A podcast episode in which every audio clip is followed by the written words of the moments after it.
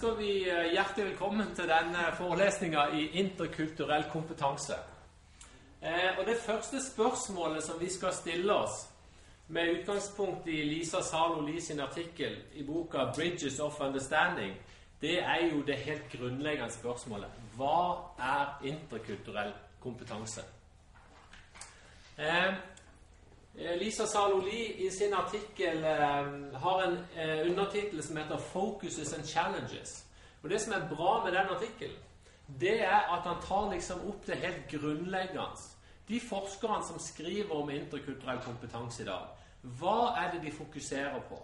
Og hva er det de ser som så å si utfordringer for fagfeltet? Um, og Saloli hun bruker denne artikkelen på å liksom gi oss en innføring i hva dette fagfeltet er. Og dermed så ramser hun på en måte litt opp sånn tendenser og trender innenfor faget. Og det er egentlig veldig greit for oss, for da kan vi få en litt sånn eh, innføring eh, Litt sånn grei innføring i hva dette faget egentlig, eller denne forskningstradisjonen, da, egentlig handler om. Og spørsmålet for meg og for det som er i dette rommet her, det er jo selvfølgelig hvordan blir vi interkulturelt kompetente? For det er jo det vi ønsker. sant?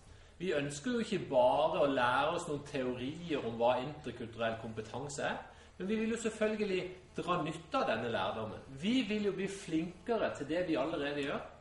De av dere som er ute i jobb og tar dette som et deltidsstudium, dere vil jo bli flinkere i den jobben deres. sant? Dere som har flerkulturelle elever i, i klasserommet, dere vil jo bli bedre til å kommunisere med dem. Dere som jobber på et, uh, i helsevesenet, dere vil ha bedre kommunikasjon med flerkulturelle pasienter. Og de som jobber i næringslivet, de vil jo gjøre bedre business og bedre avtaler med uh, partnere fra andre deler av verden. Alle disse tingene handler om kompetanse. Hvordan blir vi uh, interkulturelt kompetente?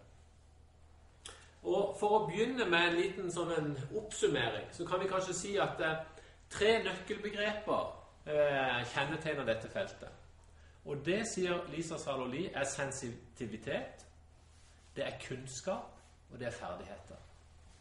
Og Hvis vi begynner bakfra Eller nei, kanskje vi skulle begynne i midten, for det er jo det vi gjerne gjør.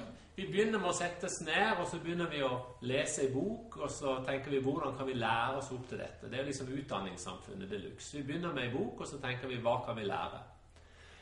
Så går vi kanskje ut og praktiserer dette. Og da tilegner vi oss en del ferdigheter. Disse ferdighetene kan jo på en eller annen måte være eh, mekaniske, eller de kan være mer eh, påvirka av det vi skal se seinere. Vi skal rett og slett helt tilbake til Aristoteles for å lære litt mer om hvordan tilnærmer vi oss eh, et felt og en handling. Men det skal vi ta litt seinere. Men poenget som både Lisa Saloli og egentlig Aristoteles òg er opptatt av, det er nettopp dette.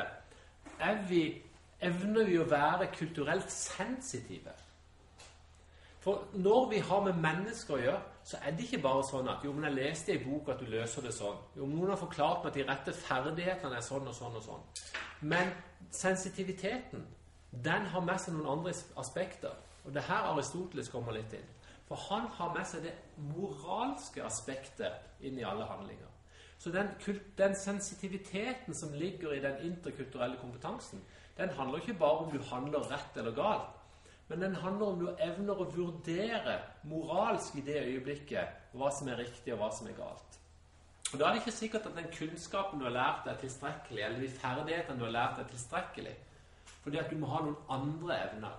Og det er det som er liksom X-faktoren i dette faget. Hva vil det si å være sensitiv i forhold til de flerkulturelle utfordringene? Og Det skal vi snakke mye om i løpet av denne forelesningsrekka.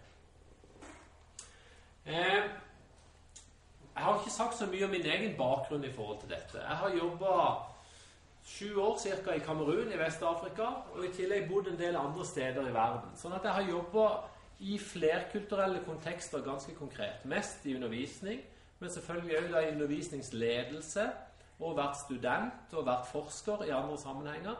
Sånn at jeg har kjent en del av disse problemstillingene litt sånn på kroppen. Så jeg skal forsøke å dele ikke bare det som står i bøkene, men litt av de erfaringene jeg har gjort meg i møte med kolleger fra andre verdensdeler. Og de store spørsmålene, hva er de? Jo, Hva er interkulturell kompetanse? Hva består han av? Hva er en interkulturell kompetent person? Og Det er det vi skal bli etter hvert. Og Hvordan skal vi da kunne kjennetegne dette? Og ikke minst, hvis vi etter hvert skal inn og undervise dette, enten rent praktisk som lærere, eller hvis vi blir ledere på en institusjon eller en bedrift, der vi får ansvar for å dra med oss de andre kollegaene våre. Og det har jeg hatt mange som har tatt dette emnet, f.eks. jobba i barnehagen, der de har vært styrere i en barnehage, og de har hatt utfordringer. Her har vi mange ansatte fra forskjellige deler av verden. Hvordan skal vi dra lasset sammen? Hvordan skal vi bli enige om felles spilleregler på arbeidsplassen? Og da er spørsmålet Kan jeg lære, og kan jeg lære fra meg interkulturell kompetanse? Kan jeg undervise det? Kan jeg gjøre sånn at mine ansatte, de jeg har ansvar for, blir flinkere til å kommunisere et, og til å dra i samme retning? Det er liksom de store spørsmålene i dette faget. Eh, vi har to tilnærminger til begrepet interkulturell kompetanse. Det første kom egentlig fra Chomsky, som er en av de kjent, mest kjente kanskje lingvistikerne vi har hatt. Han snakka om at den interkulturelle kompetansen er todelt. Og Han var veldig sånn der, han var en lingvist. Han var på en måte en, en, eh, en skrivebordsperson som sa at det fins to måter å tilnærme seg dette på. På den ene sida trenger du en kompetanse som er rent sånn formell. Du må kunne grammatikken osv. Og så må du kunne performance. Du må liksom kunne utføre dette. Så du har, på et vis har du teorien, og så har du så å si eh, det praktiske. Og når han snakker om interkulturell kompetanse, eller eh, kommunikativ kompetanse I det hele tatt så snakker han om evnen til å kunne snakke korrekt og uttrykke seg korrekt. Men, sier Del Himes, han sier at Chomsky sin, sine begreper competence og performance de stopper liksom på et veldig sånn teknisk nivå. Det Delen Himes sier, at det, det handler jo ikke bare om du kan et språk. Men det handler jo om du kommuniserer med mennesker. Og Delen Himes sier at det faktisk det fins et nivå over det. Og det vet alle som har lært seg et nytt språk. Det er ikke nok å kunne grammatikken. Sant? Du må vite hvordan bruker vi grammatikken. Hvordan bruker vi tonefallet? Og det vanskeligste av alt hvordan bruker vi humor osv. Det er veldig vanskelig på et nytt språk å uttrykke seg på den rette måten. Men det er det vi skal forsøke å gjøre. Vi skal ikke være så veldig sånn tjomske i tilnærminga og liksom se hva er liksom språk i seg sjøl, og hvordan bruker vi det rett. Men vi skal litt mer i retning av Delheim sine utfordringer. Hvordan kommuniserer vi, og hva vil det si å ha kommunikativ kompetanse? Og Da må vi kjenne til tegn i kulturen. Vi må kjenne til hva ting betyr osv. Det skal vi snakke litt mer om i neste time. Men hovedpoenget er at grammatikal kompetanse er aldri nok for å bli en interkulturelt kompetent person. Du må skjønne mer om hvordan språket blir brukt i konteksten, ikke bare hva språket betyr. Kjennes der oss da, de sier at i tillegg så finnes det en del sånn viktige personlige egenskaper for den interkulturelt kompetente personen. Den, det er åpenhet. Det er psykologisk adopsjon. Det er kommunikasjonsferdigheter, kulturell oppmerksomhet, og det er autoritet. Altså, skal du bli flink i dette, så må du ha en eller annen slags åpenhet, eller kanskje vi skal kalle det en nysgjerrighet overfor fagfeltet. Du må rett og slett ha et genuint ønske om å forstå den andre personen. Det nytter ikke bare å ha et sånn instrumentelt ønske om å tenke at hm, nå skal jeg knekke koden så jeg kan lære den eleven noe, eller dra i land den kontrakten. Du må faktisk ha en genuin interesse hvis du ifølge Saloli og ifølge Kjenners Darosta skal nå et høyere stadium av dette. En psykologisk adapsjon betyr at du må ha en evne til å leve deg inn i den situasjonen som det flerkulturelle presenterer. Og du må selvfølgelig ha en del ferdigheter. Du må kunne språk er én ting, men kommunikasjon er jo så utrolig mye mer enn språk. Sant? Det er en evne til å formidle det du ønsker. Og Du må ha en kulturell oppmerksomhet, og det tenker jeg hører litt hjemme med denne nysgjerrigheten. Er du faktisk genuint interessert i hva dette handler om? Så er det rett og slett sånn at du må også ha en viss autoritet. Og det er eh, et eh, spørsmål som delvis er et moralsk spørsmål, men som i dag også har blitt et politisk spørsmål. Sånn, hvor, hvordan skal vi nærme oss det flerkulturelle samfunnet? Skal vi, som noen sier, bare si at 'å, det er så fantastisk å få disse nye impulsene', og 'alt er så bra', og vi som nordmenn vi må jo tilpasse oss på alle områder. Sant? og Hvis noen er misfornøyd med noe, så må vi selvfølgelig ta hensyn, osv., osv. Er det den rette måten å nærme seg dette? Kjennester Råstad vil si nei, og jeg vil òg med de si et tydelig nei. Det flerkulturelle samfunnet det forutsetter også at det er noen som er, har mot og vilje til å være autoriteter og si at hvis dette samfunnet skal fungere, så fins det faktisk noen premisser som vi er nødt til å være enige om. Og det er ikke sånn at alle kan bli enige om alt.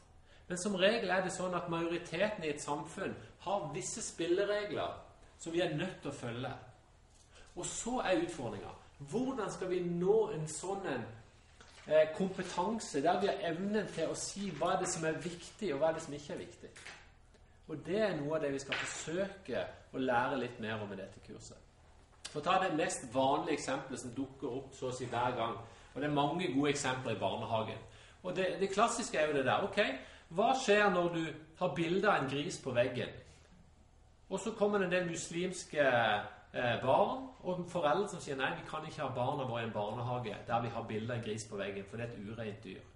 Skal vi da i så å si respekt for disse andre ta ned grisen, som står der ved siden av kua og hesten, og så blir det tomt? Og skal vi unngå å gå inn i grisebingen når vi er på gårdsbesøk osv. osv. Sånn? Altså, poenget er at en del helt sånne praktiske ting er vi nødt til å ta noen bestemmelser for. Og Da må vi ha en leder i denne barnehagen med en autoritet som tar en avgjørelse basert på mange forskjellige ting. Men før den avgjørelsen tas, så må den så å si være begrunna eh, både hva skal vi si, moralsk og, og så å si politisk. Hvor skal grensa gå for det flerkulturelle samfunnet? For eksempel, Derfor er autoritet viktig. Så eh, gjør Lisa Saloli på denne måten. Hun setter opp en del sånne forskjellige perspektiver på den interkulturelle kompetansen. Og hun sier at det første perspektivet som går an å legge til, det er dette expat perspective som heter We There. Og det handler jo om de av oss som har jobba i en annen kulturell kontekst enn sin egen. Så for oss i dette rommet så betyr jo det Har vi reist et annet land og jobba der? Eller er det noen som kommer fra andre land og jobber her hos oss? Og Hva er målet da? Jo, Keeley han snakker om en overseas effectiveness. Målet, hvis du reiser ut, som for min del Jeg reiste ut for å undervise på et teologisk institutt i Kamerun. Da var jo mitt mål var jo selvfølgelig å være effektiv på den institusjonen. Målet mitt var jo å tilføre den institusjonen noe ikke de hadde fra før. Så Dermed så var målet mitt å være overseas effective, for å si det sånn. Og Målet var da å leve og arbeide i en annen, effektivt i en annen kulturell kontekst. Ehm, jeg brakte med meg en spesiell profesjonell ekspertise. Jeg måtte gjennom mange runder med interaksjon, også med adaptasjon. Sant? Jeg måtte eller adopsjon. Jeg må liksom sette meg inn i de tingene som, som, skjer der ute. Jeg må akseptere, jeg må delta, og det fører igjen til en type tilfredsstillelse hvis jeg får til dette, selvfølgelig. Så det er et perspektiv. Hvis jeg skal være interkulturelt kompetent, så betyr det at jeg reiser ut. Jeg må akseptere at ting er annerledes. Og jeg må være en aktiv deltaker nettopp for å være effektiv. Hvis jeg reiser til Kamerun og sier å nei, det var da helt håpløse boforhold, og det er, internettforbindelsen er jo så dårlig, og nå gikk strømmen igjen, osv., osv. Sånn? Hvis hovedfokuset mitt i den jobben jeg skulle gjøre, var på alle de tingene som ikke virka, så ville jo ikke jeg være effektiv i det hele tatt. Jeg ville jo bare sinke alle prosesser. For hver gang du skulle gjøre noe, så ville jeg bare begynne å klage. Så jeg si, Nei, Norge er jo alt så mye bedre, og bla, bla, bla. Sant? Poenget er at en, en sånn overseas effectiveness forutsetter at du er villig til å innrette det etter de forholdene som er på plass. Samtidig som du tror at du har en kompetanse som gjør at du kan forandre noen ting. Sant? Du kan være med og gjøre ting bedre. Det er derfor du får en jobb. Sant? Fordi at du skal utføre noe. Og dermed må du være eh, effektiv. Og det er det første eh, tilnærminga.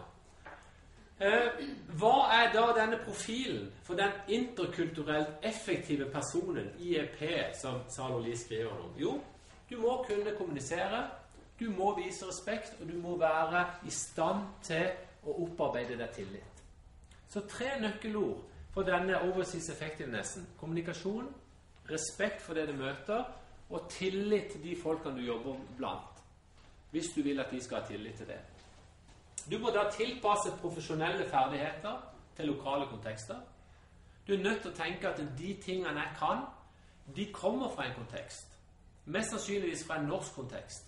Og Det er ikke sikkert at de kan overføres direkte, men det er det du må være flink til å tilpasse dette til en ny kontekst. Og hva eh, består så den personlige tilpasninga? Jo, den består av fire ting. Først og fremst en respektfull oppførsel. For det andre kulturforståelse. Det tredje relasjonsbygging, og ikke minst det siste sjølinnsikt. Noe som er noe av det aller vanskeligste når du kommer i en ny situasjon. Det er å se deg sjøl utenifra. Det er ikke så enkelt. Det er veldig lett å se alle de andre. Men poenget På den ene sida har vi en profesjonell tilpasning.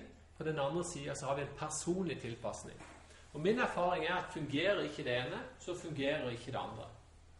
Og Det er ikke sikkert at det er så veldig mange av dere som skal reise ut og jobbe i en annen kultur. En del skal sikkert det i løpet av et arbeidsliv. Det blir jo mer og mer vanlig i dag. Men ikke minst er det viktig å tenke på at dere kommer ganske sikkert til å motta arbeidstakere fra en annen kultur. Uansett om dere havner i skole eller helsevesen eller næringsliv. Vi bor i en region der det knapt finnes en eneste arbeidsplass som ikke har medarbeidere fra en eller klienter eller pasienter eller studenter eller elever fra en annen kulturell kontekst.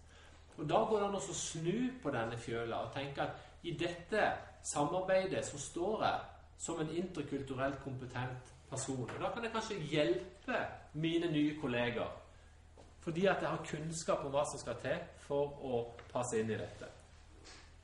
Kuhlmann og Stahl har noen elementer her som de mener er viktige. De sier at det er ekstremt viktig med 'tolerance of ambiguity'. Du må rett og slett lære deg å leve med usikkerhet. Det tror jeg kanskje er noe av det aller viktigste for en interkulturell kompetent person. Og for de av dere som er kontrollfriker, så er det klart at dette er ikke det enkleste feltet å gå inn i. Du vil gjerne ute eller hjemme med folk fra mange forskjellige kulturer måtte leve med en stor grad av usikkerhet. For du vil aldri være 100% sikker på hvordan din kollega vil løse oppgaven sin. I en norsk setting så vil du være rimelig sikker på at sånn, sånn, sånn blir det. Men i et flerkulturelt fellesskap så er det å være åpen for at folk gjør det litt annerledes. Ikke sikkert alle kommer på tida. Ikke sikkert alle leverer inn oppgavene når de skulle ha gjort dem, osv., osv. Hvordan forholder du deg til dette? Uansett så må du lære deg å leve med denne lille usikkerheten. Behavioral flexibility er det neste punktet. Fleksibilitet. Det å være, ha en evne til å kunne leve med usikkerhet, det betyr også at du har muligheten til å velge andre ting.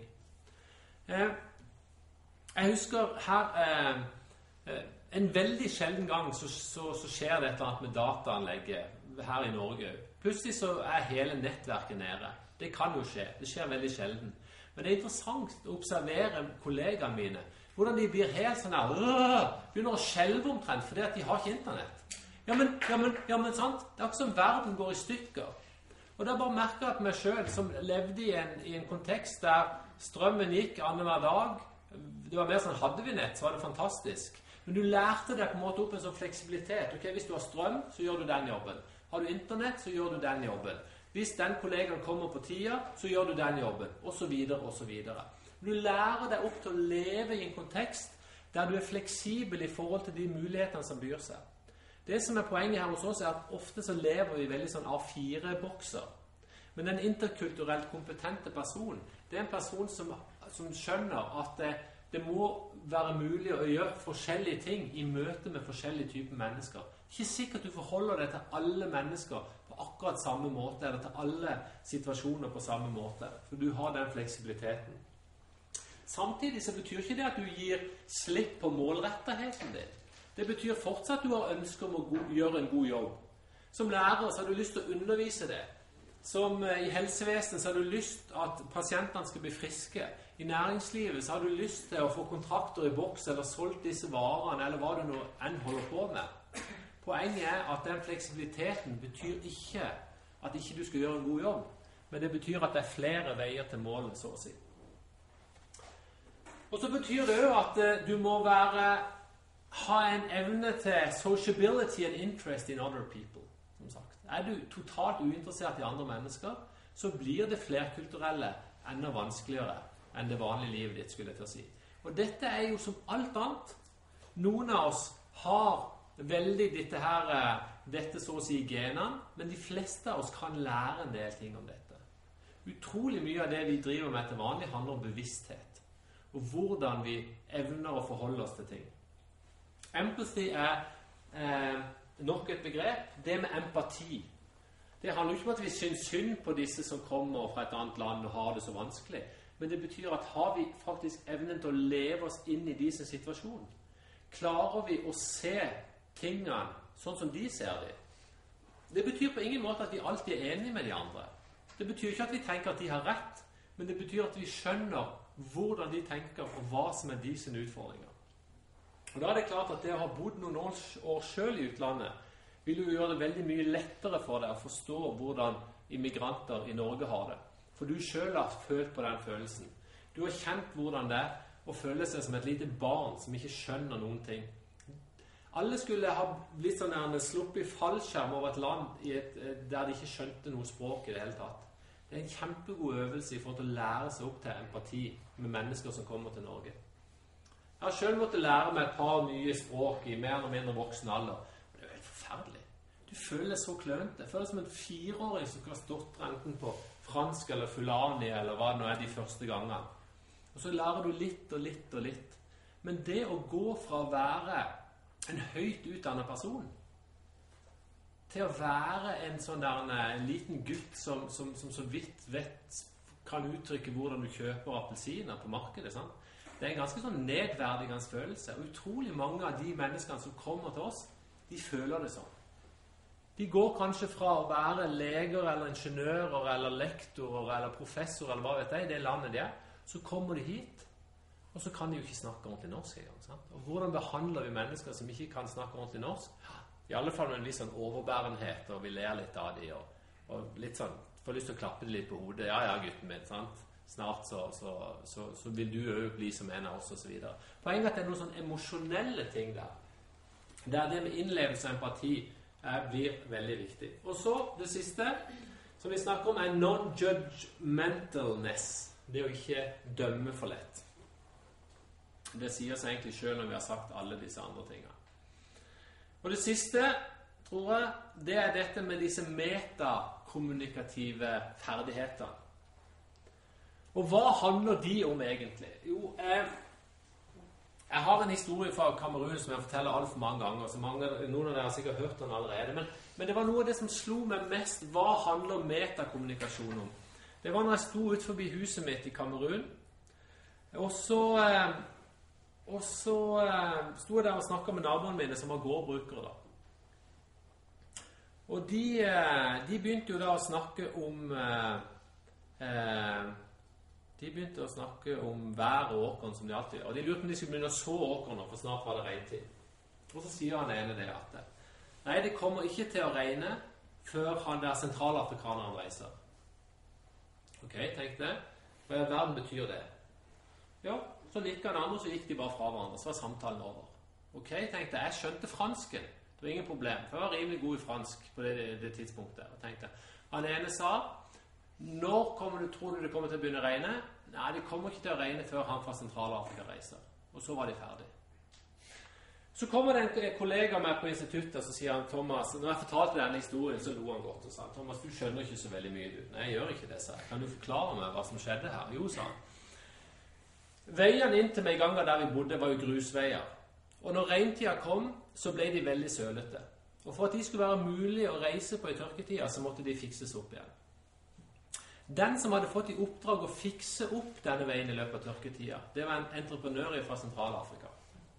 Og han holdt på med denne jobben.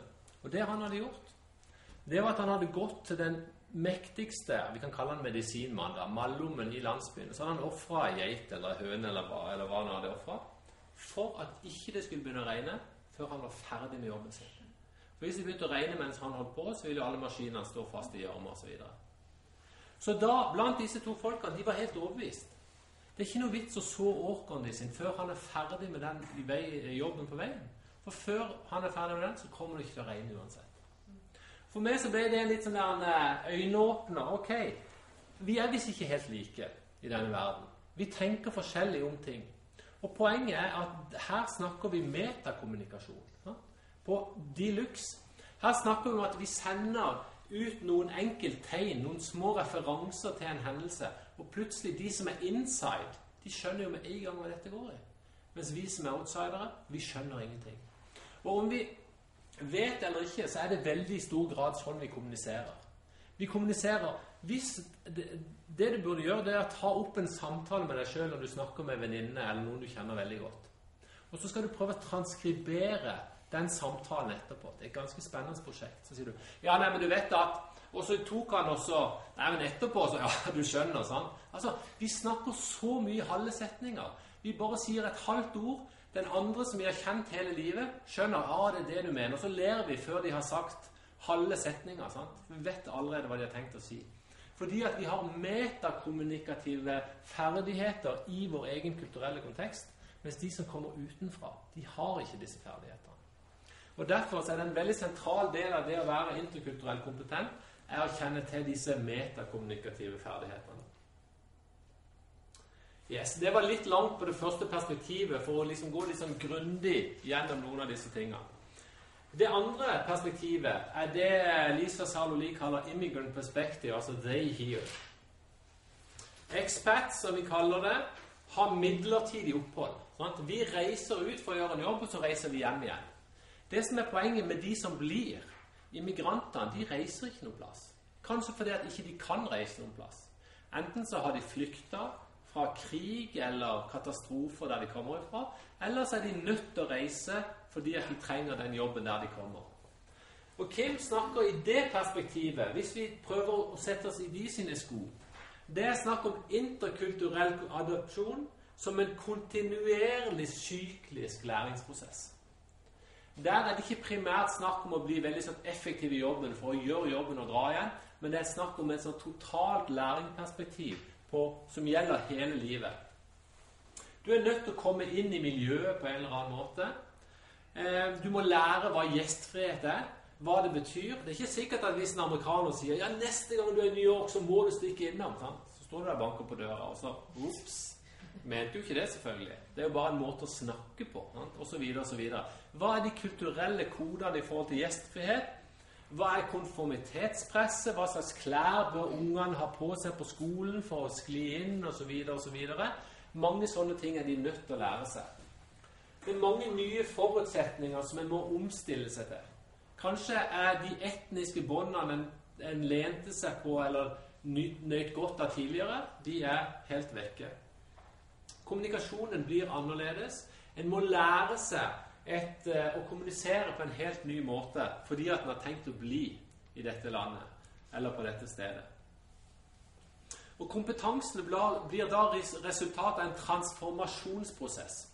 Det er ikke så mange flyktninger som tar et årsstudie i norsk kultur før de kommer hit. sant? Kanskje er det helt tilfeldig at de havner i Norge. Kanskje kom de seg på en båt over Middelhavet og så ble de FN-kvota inn til Norge eller Sverige eller Danmark, enda de egentlig helst ville til USA osv. Sånn? Poenget er at immigranter som kommer hit, nødvendigvis ikke er mentalt forberedt på å komme hit. Sånn at kompetansen er ikke noe de øver seg opp, men det er et resultat av en transformasjonsprosess som innebærer ikke minst det med psykologisk helse. Hvordan takler de det å komme til et nytt sted? Hva slags funksjonsdyktighet klarer de å opparbeide seg? Klarer de å finne en ny interkulturell identitet? Dette kommer vi selvfølgelig til å snakke mye om. Ikke minst barn. Andregenerasjons immigranter. Hva skjer med de? Kompetanse, inkludert kunnskap om vertskulturen, det er det Kim kaller for sosial kapital, som jo er et begrep som er lånt av Bourdieu. da. Og Hun sier at social currency empowers the immigrants and makes active participation, participation in a civic society possible. Og Det henger jo sammen med hvordan Bourdieu ser på dette. Sant? Sosial kapital. På den ene sida har vi økonomisk kapital, så har vi kulturell kapital, og så har vi det som vi kaller for sosial kapital. Og Det handler om hvordan vi fungerer i samfunnet. Og her må immigrantene så å si lære seg mange av disse tingene på nytt. Det tredje perspektivet er det som eh, Saloli kaller 'inclusive local perspective'. We all here. Og hva gjør vi da med kompetansen når vi kommer hjem? Og Det er litt mer sånn ekspert på hjemmebane igjen. Og Da kan det godt hende at det som var din spesialkompetanse ute, er blitt en inkompetanse når du kommer hjem igjen. Det er ikke noen automatikk i at eh, det du var veldig flink på ute, blir veldig verdsatt eh, her hjemme. Jeg for eksempel, var for ekstremt god på å stake opp sånne gassbrennere. Vi hadde en gassbrenner i dusjen vår i, i, i Kamerun. Jeg var jeg veldig flink. Og Det var en sånn liten flamme som brant på gass, og så varma det opp en beholder, så du fikk varmt vann. Jeg ble etter hvert veldig god på det å altså stikke opp de. Så når jeg var på besøk i i en annen by, og noen sleit med varmtvannsbeholderen, så jeg skal fikse det. Så kom jeg inn, og så ordna jeg det. Og så kommer jeg hjem, ikke mange som spør ja, Thomas, kan du komme hjem og fikse gassvarmtvannsberederen min. liksom, sånn. For å ta et veldig teit eksempel. Men poenget er at det er en del ting vi er nødt til å gjøre i en annen kulturell kontekst som vi er, det absolutt ikke er noe bruk for i det hele tatt her hjemme. Og I et multikulturelt samfunn så blir skillet da mellom oss og dem utklare, uklare. Og Det er det vi snakka mye om for dere som var i globaliseringstimene som vi hadde før jul. Så snakka vi jo mye om hvordan dette forandrer seg. Og Spørsmålet er selvfølgelig da hvordan kan vi leve best mulig sammen? Vi som kommer fra forskjellige deler av verden og er nødt til å finne et fellesskap her som vi er samla nå. Eh, og Det fører oss da til the inclusive global perspective. We all here and there. Og Da er det kanskje ikke så nøye om vi har bodd her eller der, for vi har reist såpass mye. Vi har fått så mange flerkulturelle påvirkninger. Tidligere så handla interkulturell kommunikasjon å lære hvordan kommuniserer vi med en person fra en annen kultur. Altså, det var nordmenn som møtte japanere, og det var tyskere som møtte eh, italienere. Jeg vet ikke hva. Sånn er det jo egentlig ikke lenger. Kultur snakker vi ikke om som objektive størrelser. Vi snakker ikke så veldig mye om den norske kulturen. Vi kan godt gjøre det og prøve å definere men vi skjønner ganske fort at det fins ingen klare grenser for hvor den norske kulturen slutter, og så vidt hvor den svenske eller den engelske eller den amerikanske eller den globale for å si det sånn, begynner. Fordi vi, har, vi blir så enormt påvirka av hverandre. Kultur, som vi har snakka mye om tidligere, i, eh, eller kommer til å snakke mer om, er jo at kultur er en forhandling om felles mening. Eh, Holden han snakker om deltakende kompetanse. Hvis du skal lykkes i den globaliserte verden, så må du ha en ambisjon om å så å si spille med. Samfunnet forandrer seg. Hvis ikke du er villig til å forandre deg, så er det du som kommer til å stå igjen på perrongen når toget går. Fordi at vi er nødt til å forholde oss til en ny arbeidsvirkelighet, en ny studievirkelighet, der det er nye impulser hele tida. Og da er punkt nummer én, bud nummer én, det å være en deltaker og ikke en tilskuer. Målet er da å skape rom hvor denne kompetansen kan deles på tross av usikkerhet og tvetydighet. Så dette rommet må vi forsøke å skape oss. Et rom hvor vår kompetanse kan deles, sjøl om vi er usikre på de vi jobber sammen med. Og hvordan kommer vi dit? Lisa Saloli hun snakker om at dialog er en ekstremt viktig vei til kompetanse. Og hvordan oppnår vi det? Jo, sier hun, men en dialog er mye mer enn bare en samtale. En dialog handler om noe annet og noe mer enn en samtale. Den handler, En sann dialog handler om en vilje til å undersøke andre mennesker. Det handler om å gå inn i en aktiv meningsutveksling der du så å si byr på deg sjøl i forhold til det Eh, feltet dere snakker om. Og Det handler nok en gang om dette med empati. Denne evnen til å le leve seg inn i hvordan andre mennesker har det. Hvordan dine kollegaer som kommer fra en annen del av verden, og som tenker at nei, dette må vi gjøre på en annen måte. Du, gjør du et alvorlig forsøk på å forstå hva de tenker? Og har du kanskje en idé om at det er ikke sikkert at din vei er den aller beste? Og Det er på den måten vi kan øke så å si forståelsen, og på den måten vi kan få større åpenhet i, inn i, uh, i arbeidsfellesskapet vårt. Og dette med forståelse skal vi snakke veldig mye om neste gang. For hele Gadamas filosofi handler nettopp om dette. Hvordan kan vi forstå et annet menneske? Og Der skal vi gå litt sånn dypdykk. Der skal vi gå litt sånn ned på, på grunnfjellet og prøve å grave litt i det.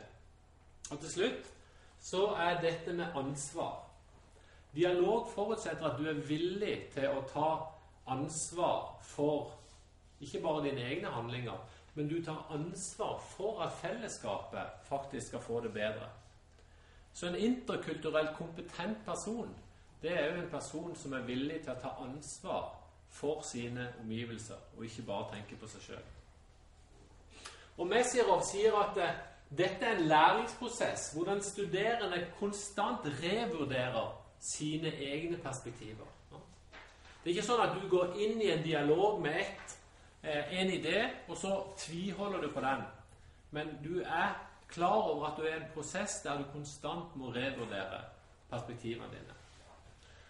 Og Kim snakker om at dette handler om, om å få en interkulturell identitet. Sant? Ikke snakk om du på en måte tviholder på din norske identitet eller din tyrkisk identitet, men at du faktisk er villig til å tenke at i et flerkulturelt samfunn så er jeg nødt til å utvikle en flerkulturell identitet. Og Bennett snakker om en gradvis utvikling fra interkulturell sensitivitet, fra etnosentrisme til etnorelativisme. Og som dere vet, etnosentrisme, hva handler det om? Jo, det handler om at min kulturelle standard brukes til å dømme andre, mens etnorelativismen handler om å være komfortabel med at det fins mange forskjellige standarder. Og da er vi tilbake til det poenget med fleksibiliteten.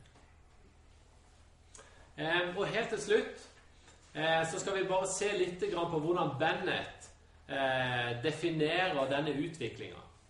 Han sier at det er helt normalt at din første reaksjon i møte med det som er annerledes, det er denial. Du tenker nei, nei, nei, dette kan vi ikke ha noe av. Det er en helt normal reaksjon for oss alle. Og det neste punktet kan kanskje være at jo, det er jo greit nok det du sier, men du føler et behov for å forsvare din egen posisjon, din egen måte å handle på. Og Det tredje punktet kan kanskje bli at du minimiserer problemet. så å si. Du sier at det er ikke så viktig, det er ikke så, det er ikke så stort problem, dette her. Men punkt nummer fire sier han, det er faktisk å akseptere at det fins forskjellige måter å løse problemer på. Og Det neste punktet igjen blir dette med adopsjon, at du rett og slett adopterer en ny måte å tenke på. Og den måten blir til slutt integrert i deg sjøl, sånn at du til slutt ikke er helt sikker på hva du egentlig mente, og hva som var impulsene kom utenfra. Det er jo ikke alltid at alle eh, modeller så å si følger dette her eh, mønsteret her. Eh, noen ganger så blir vi bare kjempebegeistra med en gang, og noen ganger så blånekter vi helt til, eh, helt til, til det skjærer seg, osv., osv. Men Bennett prøver å skissere en interkulturelt kompetent person sin bevegelse. Og da tenker jeg syns det er veldig ok at Bennett òg sier at det er helt naturlig å bli usikker. Det er helt naturlig å ville på en måte fornekte og ville forsvare seg mot det som er annerledes. Men spørsmålet er om vi etter hvert kan få dette integrert i oss sjøl.